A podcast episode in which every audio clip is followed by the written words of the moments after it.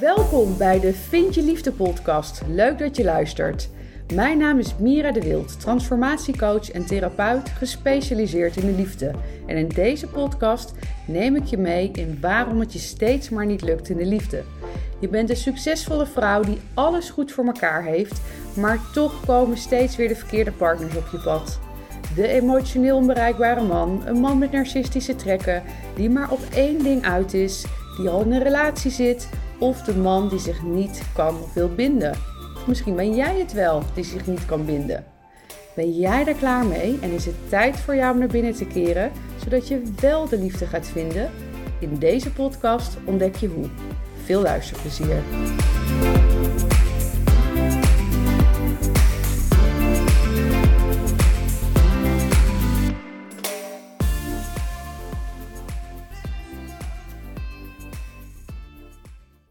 Welkom bij een nieuwe podcast. En in deze podcast ga ik een verhaal met jou delen over de emotioneel onbereikbare man. Sommigen noemen dat ook de foute man. Emotioneel onbeschikbare man. Daar gingen mijn vorige twee podcasts natuurlijk uh, ook over. En ik was van de week een, een, nieuwsbrief aan het schrijven. En daar deelde ik ook een verhaal over mijn ervaring daarmee. En ik dacht, nou, daar is eigenlijk veel meer over te vertellen. Ik kan me zo goed voorstellen dat dat veel herkenning uh, bij je geeft. En ik was begin 30 en ik ontmoette een man via Tinder. Ik kan me nu helemaal niet meer voorstellen dat ik op Tinder zou gaan. Maar uh, ja, toen wel, zonder oordeel overigens. Want ik heb daar uh, best wel altijd leuke contacten aan, aan overgehouden.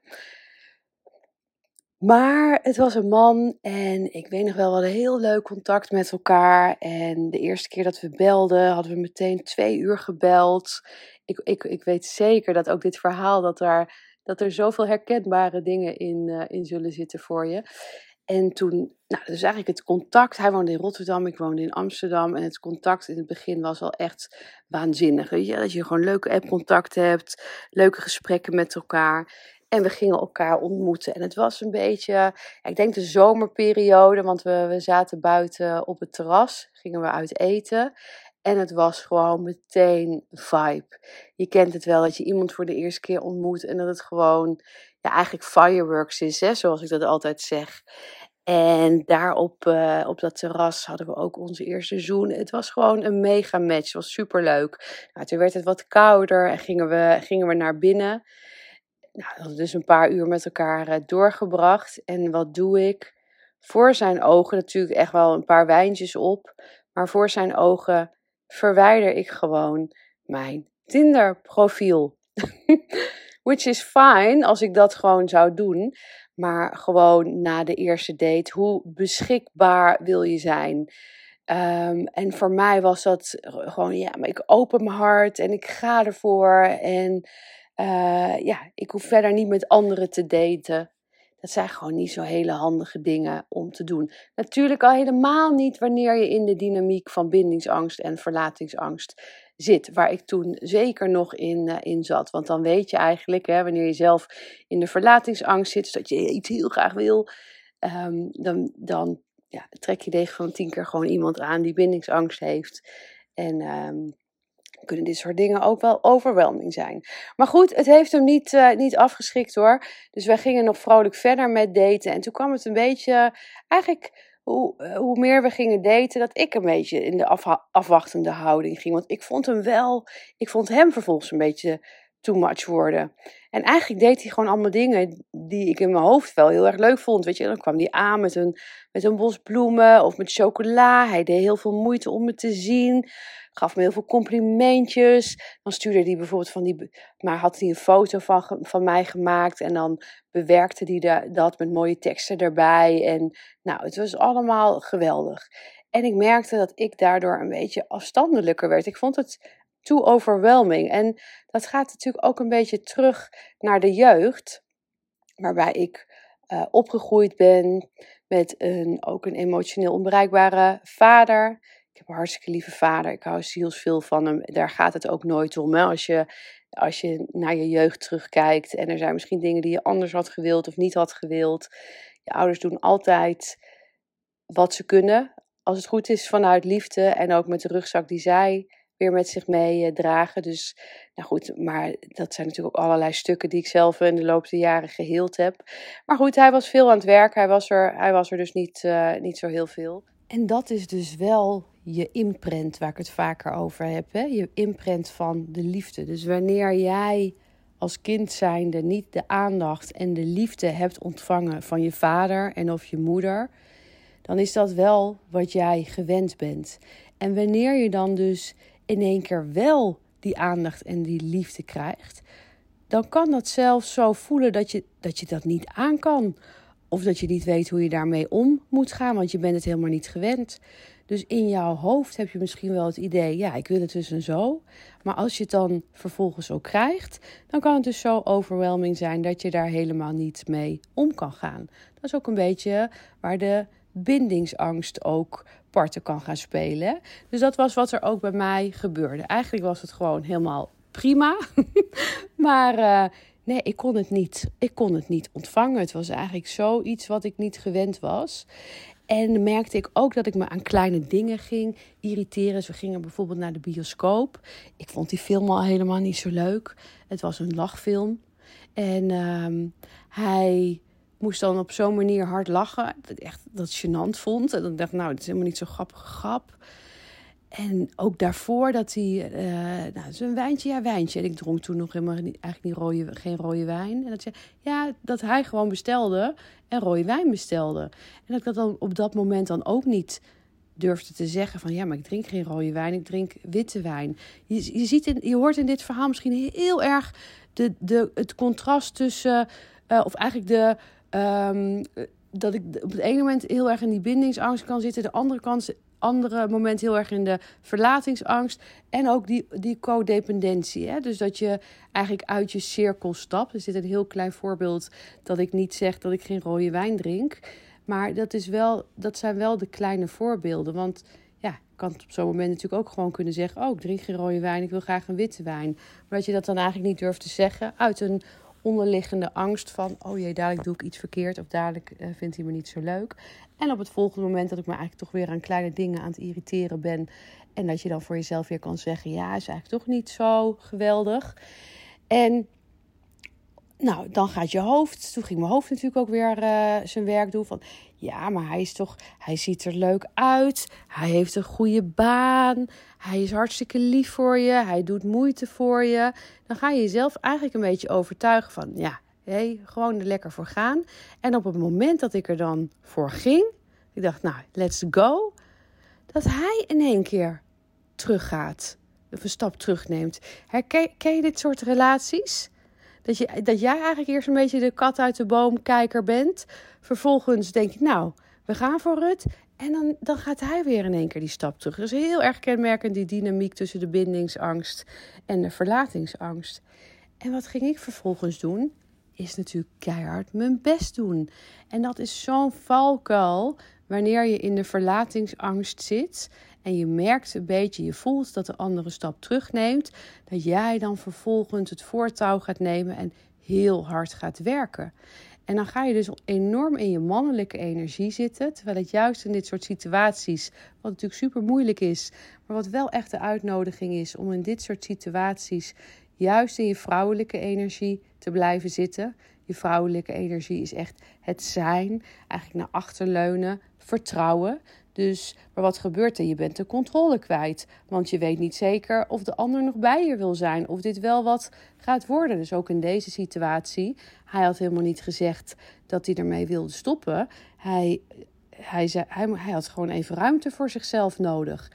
En ja, wanneer je dan geraakt wordt in je verlatingsangst, dan raak je in paniek. Je raakt de controle kwijt. En dan ga je dus je hard je best doen. Dus dan ga je juist diegene appen of juist diegene bellen. Of nou ja, wat ik dan deed is, ehm, dan belde ik hem en dan barstte ik in tranen uit. En nou ja, ik wilde natuurlijk heel erg die controle en ik snapte er niks van. Want vorige week zei hij nog dit en dat. En hoe kan je nou nu deze beslissing nemen en appen? En zo die controle proberen terug te halen. En wat gebeurt er dan vervolgens? Die ander gaat eigenlijk steeds maar verder weg. Dus dat is ook wat gebeurde. En nou ja, vervolgens natuurlijk helemaal in uh, zak en as en je begrijpt het niet. Ik ben nu een beetje in de je en in de ik-vorm aan het praten, omdat ik me zo goed voor kan stellen dat je dit herkent. Maar ik zal hem even terugpakken in de ik, omdat ik nu mijn verhaal natuurlijk aan het vertellen ben. En nou ja, vervolgens hadden we een tijdje geen contact. En in één keer nam die toch contact weer op. Hè? Dat is ook wat je vaak ziet gebeuren. Dat als er even niks is, dan gaat de ander je misschien stiekem toch missen. En neemt hij weer contact op. Nou, ik natuurlijk helemaal blij, want ik, zat hem, ik had hem nog helemaal in mijn hoofd. En we gingen uit eten. En het was meteen weer fireworks. Het was meteen weer leuk. En wat was dan weer mijn valkuil? Om eigenlijk ook gewoon weer alles te geven. Dus het was laat. Hij, hij woonde natuurlijk in Rotterdam. Hij was niet met de auto, dat hij een wijntje kon drinken. De treinen reden, eigenlijk, die, niet, die reden eigenlijk niet meer. Die reden niet meer. Maar ja, ik hoef natuurlijk niet van zijn probleem mijn probleem te maken. Als hij op tijd naar huis had gewild, dan had hij die trein kunnen pakken. En het is natuurlijk niet per se vanzelfsprekend dat hij dan bij mij kan slapen. Ik had ook nog een, uh, een, uh, een kindje thuis, want ik had een oppas. Maar ja, dat voelt dan wel zo. En je bent weer happy en je bent weer blij. Dus hij uh, ging wel bij mij slapen. Vervolgens nog, nou weet je, dan ben je natuurlijk aan het zoenen. Van het een komt het ander. Ik weet nog wel ik zei, oh nee, ik ben bang dat je mijn hart weer uh, gaat breken. Nee, ik breek je hart niet. Vervolgens heb je seks. En geef je dus eigenlijk alles weer meteen van jezelf weg. Hè, dus, dus, dus er blijft, kijk, ik zeg niet dat een. Um, nou ja, laat dan wel dat. Ik, ik, voor mij is het, is het wel, en ik weet dat niet iedereen daarmee eens is, en dat kan en dat mag. Um, ik vind het supergoed dat we allemaal geëmancipeerd geëmancipeerd zijn, dat wij natuurlijk onze vrouwenrechten hebben en we zijn natuurlijk gelijk, maar we zijn niet helemaal gelijk. En daarmee bedoel ik dat een man is in zijn bouw anders dan de vrouw. En ik geloof toch dat in nature dat de man ook ergens het jagersinstinct heeft. En dat wanneer je als vrouw eigenlijk je, ja, je meteen helemaal geeft, ja, dan, is, dan is, is de jacht ook weg. Dat klinkt altijd een beetje zo, hè. En dan kan er toch wat anders gebeuren in de dynamiek. En het is niet zwart-wit, hè. Want ik bedoel, ik heb ook wel eens in relaties gezeten... waar ik wel ook de eerste of de tweede date uh, meteen um, seks had en dat het gewoon een relatie is, is geworden. Hè? Maar het kan wel echt een valkuil zijn wanneer je in die bindingsverlatingsangst zit. Wat hier dus ook weer gebeurde, ja, hij hoefde verder ook weer zijn best niet te doen. Hij had mij toch al helemaal volledig. En it's like he took it for granted of zo. Dus wat er, wat er uiteindelijk gebeurde is dat we af hadden gesproken in Utrecht. Ik geloof dat we zouden gaan winkelen en dan ergens wat zouden gaan eten. En hij was al die dagen daarvoor niet zo lekker. Dat had hij ook wel met mij gedeeld. Hij had die ochtend van mij nog een webinar gekeken. Dat deelde hij ook. En ik moest echt wel een en ander regelen. Want ik voed mijn dochter in mijn eentje op. Dus ik had een oppas geregeld. Ik had geregeld dat zij van school gehaald zou worden. Dan zou ze ergens blijven. Zou ze ergens blijven slapen. Ik had op mijn werk mijn agenda leeg gepland. Ik stond letterlijk met mijn jas aan om naar de tram te lopen. En hij appt ook notabene. Appt hij af. Ja, ik ben toch niet zo lekker. Zullen we het een andere keer doen? En ik was natuurlijk zo vet geïrriteerd. en toen zei hij, ik bel je later. En toen heb ik gezegd, je hoeft me niet meer te... Nee, ik heb nog wel gezegd, weet je, ik heb zoveel hiervoor geregeld. Je kan het echt niet maken om dan op het moment dat de afspraak eigenlijk praktisch al is, om dan af te bellen. Toen zei ja, ik bel je later. Toen heb ik gezegd, ja, je hoeft niet meer te bellen. En natuurlijk hoop je dan dat op dat moment iemand moeite voor je gaat doen. Want ja, hij is toch wel echt wel degene die, die hier een... Nou, het is gewoon echt niet netjes natuurlijk. En vervolgens heb ik nooit meer wat van hem gehoord. En had hij eigenlijk, want ik volgde hem toen nog wel op Instagram, had hij niet zo heel lang daarna een relatie die, nou ja, de laatste keer dat ik daarna gekeken heb, uh, nog steeds uh, uh, had of heeft. In ieder geval is dat dus een lange relatie geweest. En dat is misschien ook wel herkenbaar voor je. Hè? Dat, dat je iemand ontmoet en dan weet hij het niet. En dan weet hij niet of hij een relatie wil. En dan vervolgens heeft hij vrij snel na jou wel een relatie. Hoe kan dat nou dan? Hè? En ik hoop dat je, dat je door dit verhaal toch ook een beetje inzicht krijgt in hoe je als vrouw die dan in de dynamiek van bindingsangst en verlatingsangst zit, ook kan handelen en wat de reactie van de ander ook kan zijn. Als ik mijn les hieruit trek van wat, wat zou ik dan nu, wat ik wil zeggen, nu ik zoveel stukken heb, uh, heb geheeld en zo anders in het leven sta. Het belangrijkste wat ik daarin anders zou doen, is echt veel meer in het zijn zitten. Maar ja, en met zijn bedoel ik contact maken met je gevoel. Als er ongemak naar boven komt, zoals dat ik in één keer geraakt werd in mijn bindingsangst. Om dat niet dan bij de ander neer te leggen in de zin van me gaan irriteren bij de ander. Maar uh, naar binnen te gaan en te voelen, hé, hey, wat gebeurt er nu eigenlijk met mij? Wat, waar ben ik nou bang voor? En dat proces aangaan. En vervolgens ook wanneer je in de verlatingsangst terechtkomt, ook om dat te voelen. Maar dat is natuurlijk wat je niet wil. Want dat voelen, die afwijzing voelen, de verlatingsangst voelen, dat is zo'n enorme trigger in de afwijzing die je diep van binnen al voelt, die vaak teruggaat naar de jeugd. En dat doet zoveel pijn. En dat echte contact maken, ja, dat weet je niet meer hoe dat moet. Ik wist dat toen ook echt nog niet, niet zo goed. Dus dan is het natuurlijk veel makkelijker om je te gaan projecteren op de ander. Om de ander te gaan bellen. Om de ander te gaan appen. Om bij de ander te gaan vragen: hoe zit het nou? En ik snap het niet. En vragen te gaan stellen. En met je vriendinnen erover te gaan hebben. En van de ene vriendin naar de andere vriendin. Uh, om je verhaal maar kwijt te kunnen. Om een antwoord te gaan krijgen op je vragen waar je eigenlijk de antwoorden toch nooit, uh, nooit op krijgt. Dan ben je het heel erg buiten jezelf aan het zoeken. Terwijl het allemaal in jezelf zit. Nou, de vrouwen waar ik mee werk, ja, eigenlijk bijna iedereen met wie ik werk heeft dat contact met het gevoel ook niet meer als ze bij me komen.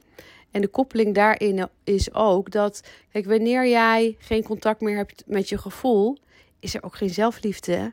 Want zelfliefde is een gevoel. En wanneer je, ja, ik hoor ook wel vrouwen die zeggen, ja, maar ik hou echt wel van mezelf.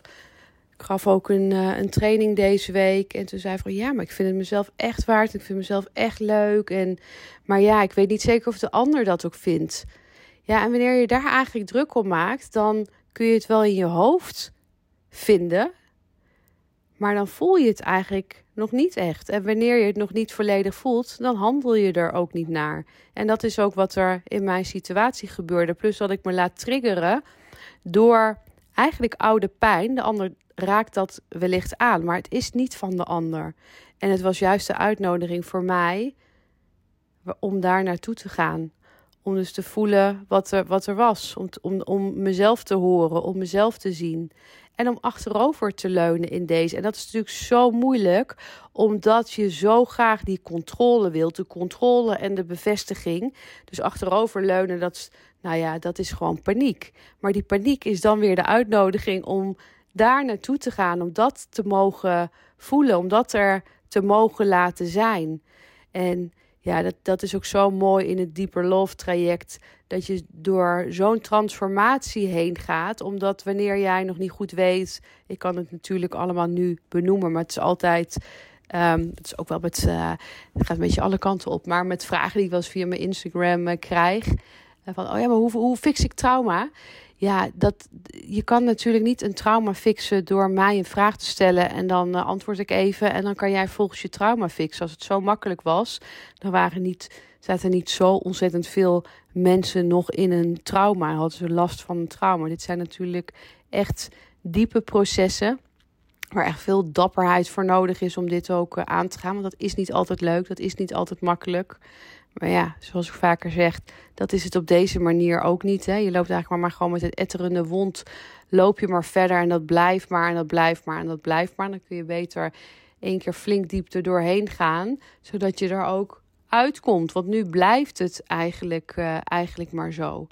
Dus de uitnodiging is om met die vrouwelijke kant, met de vrouw in jou, je vrouwelijke energie, in contact te komen. Zal ik binnenkort ook een, uh, een podcast over opnemen. En toch in de situaties waarbij jij het gevoel hebt dat je de controle verliest, dat je echt de bevestiging keihard nodig hebt, om dan niet keihard op de ander te duiken. Want vooral wanneer je, ja, wanneer je ervan uitgaat dat je dan ook iemand aan hebt getrokken met bindingsangst, die gaat juist alleen maar verder weg. En dan kan het echt wel zijn dat als hij weg is, dat hij en dat jullie even geen contact hebben, dat hij uiteindelijk weer contact opneemt. Hè? Want in eerste instantie wordt bij hem dan de bindingsangst getriggerd. Dus dan heeft hij die ruimte nodig. Maar als dat weer even allemaal rustig is, ja, dan komt hij toch weer. Uh, komt hij toch weer de gevoelens voor jou tegen. En dan zoekt hij toch weer contact op met jou. En zo kan die dynamiek hè, tussen de bindingsangst en de verlatingsangst, die liefdesdans, die kan maar heen en weer gaan. En ja, kun je eigenlijk heel lang tijd steken in een relatie die uiteindelijk nergens toe leidt. En dan is het eigenlijk toch veel beter om die tijd, die energie in jezelf te steken, zodat jij daardoor gaat groeien. Je stukken gaat helen die te helen zijn. Dingen gaat aankijken van jezelf. Je patronen gaat doorbreken. Want wanneer je dat doet, dan, uh, dan ga je automatisch de relatie aantrekken die bij jou past. En dat is een relatie zonder liefdesdrama. Dus een relatie vanuit verbinding. Maar ja, je kan pas verbinding hebben met een ander als je ook verbinding hebt met jezelf. Dus daar is echt nog wat, uh, wat werk aan de winkel. En dat is wat ik met vrouwen doe in het Deeper Love traject. Daar werk ik met hele succesvolle vrouwen die eigenlijk alles goed voor elkaar hebben, behalve de liefde. Dus je hebt een super goede baan of een succesvolle onderneming. Eigenlijk ja, van buitenaf zouden, vrouw, zouden mensen nooit van jou verwachten in wat voor relaties je terechtkomt. Daar zit best wel een taboe eigenlijk op. Dat herken ik ook zelf heel erg. Ook weer een onderwerp waar ik binnenkort een podcast over, uh, over op zal nemen, over dat taboe. En ja, daar gaan we echt door een prachtig transformatieproces heen. Waarbij je weer dat contact gaat maken met je gevoel, je trauma heelt, gaat verwerken, je patronen gaat doorbreken, nieuwe patronen gaat neerleggen, als het ware. Waardoor je ook de liefde voor jezelf gaat ontwikkelen en gaat voelen. Want nogmaals, dat is echt een groot verschil. Of je het alleen vanuit je hoofd weet of dat je het ook echt oprecht voelt. En dan, dan ontstaat er zoveel in je persoonlijke leven. Want uiteindelijk is het gewoon één groot persoonlijk ontwikkelingstraject. Maar natuurlijk, wat ik net ook al zei, ga je gewoon een heel ander type man aantrekken. En dat zijn hele leuke mannen hoor. Maar mannen waar je dus uit dat liefdesdrama blijft en gewoon een gelukkige relatie, liefdevolle, gelijkwaardige relatie mee, uh, mee op gaat bouwen. Nou, wil je daar meer over weten? Dan uh, kun je altijd een gesprek met mij aanvragen. En ik zit me ook laatst te bedenken, dat heb ik nog helemaal niet benoemd in mijn podcast. Ik heb ook een gratis videoserie, drie driedelige gratis videoserie. Zo word je ook succesvol in de liefde. Die zal ik in de show notes van deze podcast ook met je delen. Dus voel je zeker vrij om die aan te vragen. En als je zelf nog een vraag aan mij hebt of je wil iets delen over deze podcast, herkende je je ook in mijn verhaal? Uh, vind ik het altijd leuk als je me een berichtje stuurt. Op mijn Instagram staat ook in de show notes. En anders kun je me gewoon vinden onder Mira de Wild. Mira met een Y. Ik vind het altijd heel erg leuk om, uh, om van je te horen. Ik hoop dat je wat hebt gehad aan, uh, aan mijn verhaal. Dat het, dat het herkenbaar voor je was. En uh, dat het je ook wat inzichten heeft gegeven over hoe je hiermee om kan gaan. En ik, uh, nou, dan, uh, ik wil zeggen, we zien elkaar met de volgende podcast, maar dat is niet zo. Jij hoort mij weer in de volgende podcast. Voor nu een hele fijne ochtend, middag, avond of nacht. Tot de volgende. Doei doei.